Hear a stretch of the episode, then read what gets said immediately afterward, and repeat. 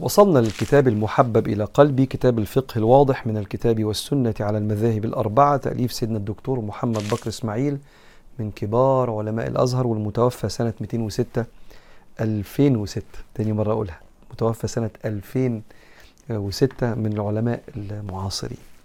كتاب بيتكلم عن آراء المذاهب الأربعة في العبادات وأنا حريص مع حضراتكم أن أنا أنقل لحضراتكم سعة الإسلام في سعة آراء المذاهب.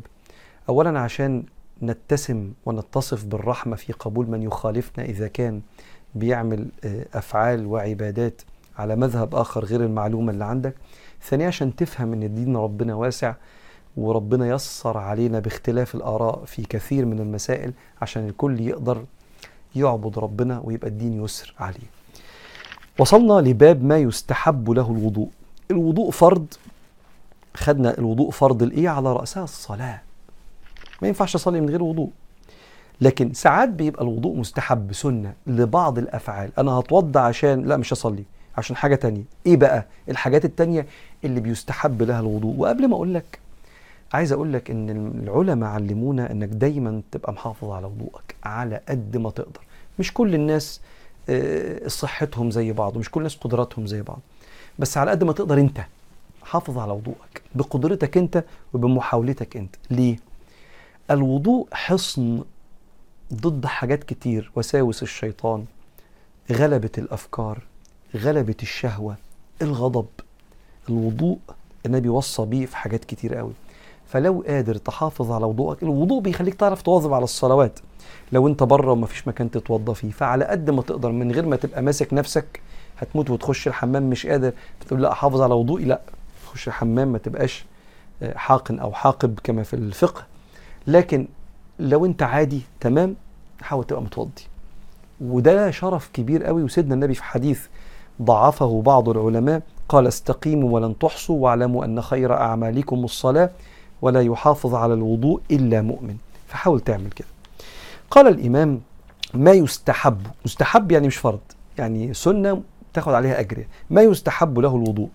يستحب تجديد الوضوء لكل صلاة. ما لم يكن هناك مشقة. لقوله صلى الله عليه وسلم لولا أن أشق على أمتي لأمرتهم عند كل صلاة بوضوء ومع كل وضوء بسواك.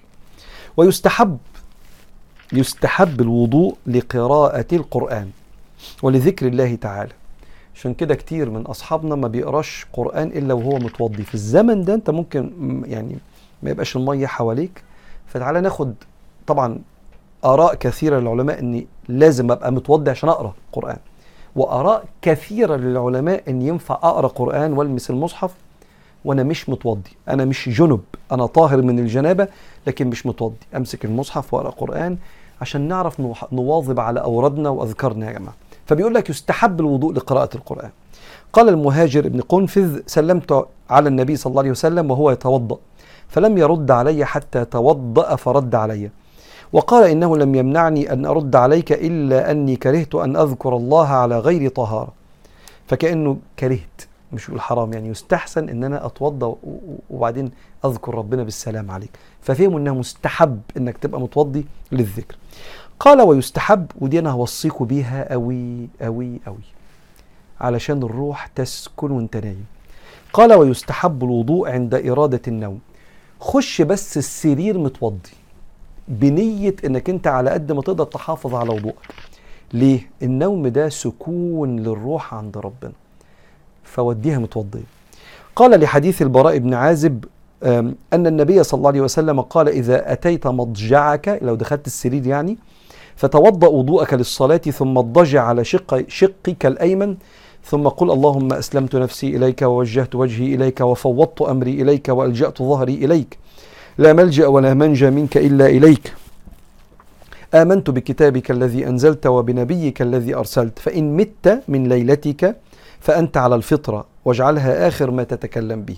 فرددتها على النبي صلى الله عليه وسلم فلما بلغت اللهم آمنت بكتابك الذي أنزلت قلت ورسولك الذي فقال لا ونبيك الذي أرسلت. قال ويستحب الوضوء أربعة ويستحب الوضوء لمن جامع أهله وأراد أن يؤخر الغسل أو أراد معاودة الجماع وهذا مذهب ذهب إليه جمهور الفقهاء. بعد الجماع أراد أن ينام من غير ما يغتسل يتوضأ أو بعد الجماع أراد أن يعاود الجماع برضه يتوضأ. ودي برضه مهمة قوي مش عشان فرض عشان سر من أسرار الوضوء في حفظ القلب والروح. واختلفوا في الرجل الذي جامع وأراد بعد ذلك أن يأكل أو يشرب.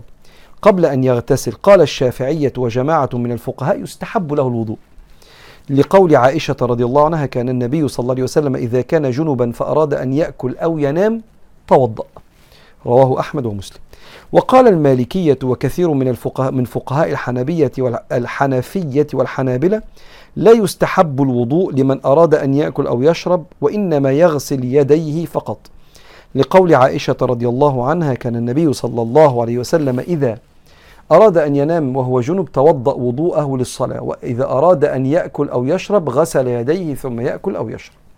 رواه أحمد والنسائي. خمسة ويستحب الوضوء عند الغضب. أمة سيدنا النبي محتاجة ترجع لسيدنا رسول الله. لأن النصيحة دي لو قالها مدرب آه، من مدربين وكلهم كرام على الرأس بس أنا بتكلم على الفرق ما بين أي حد في الأكوان والنبي.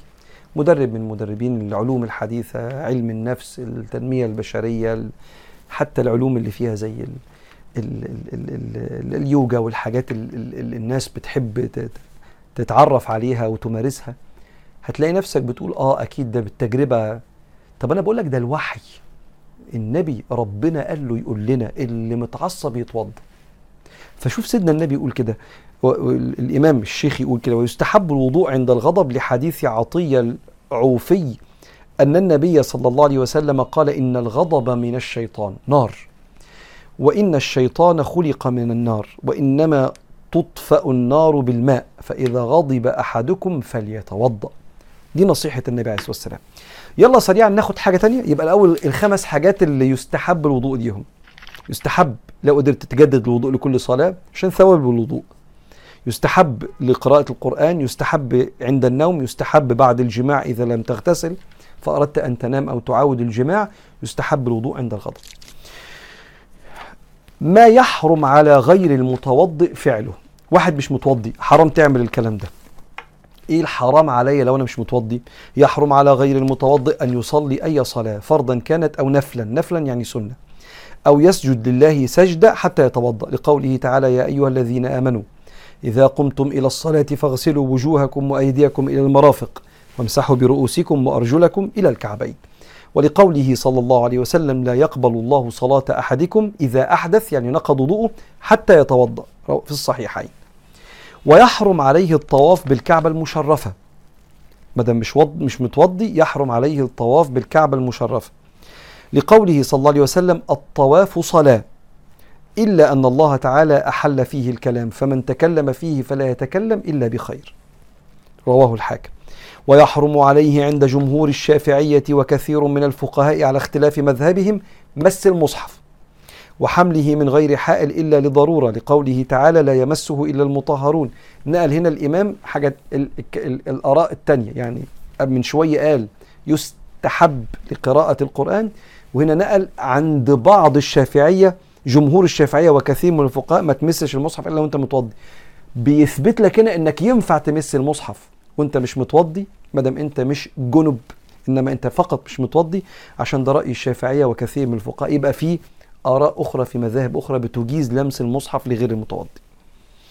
وقد أجاز بعض الفقهاء مسه وحمله لغير المتوضئ لعدم وضوح الدليل.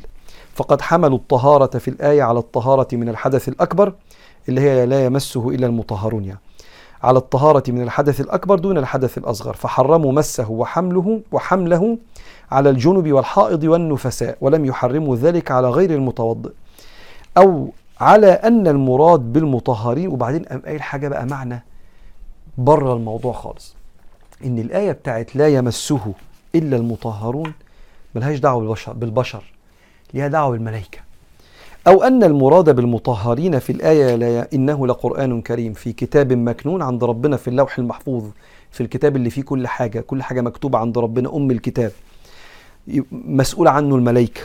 مسؤولين بيحفظوا القرآن في هذا الكتاب.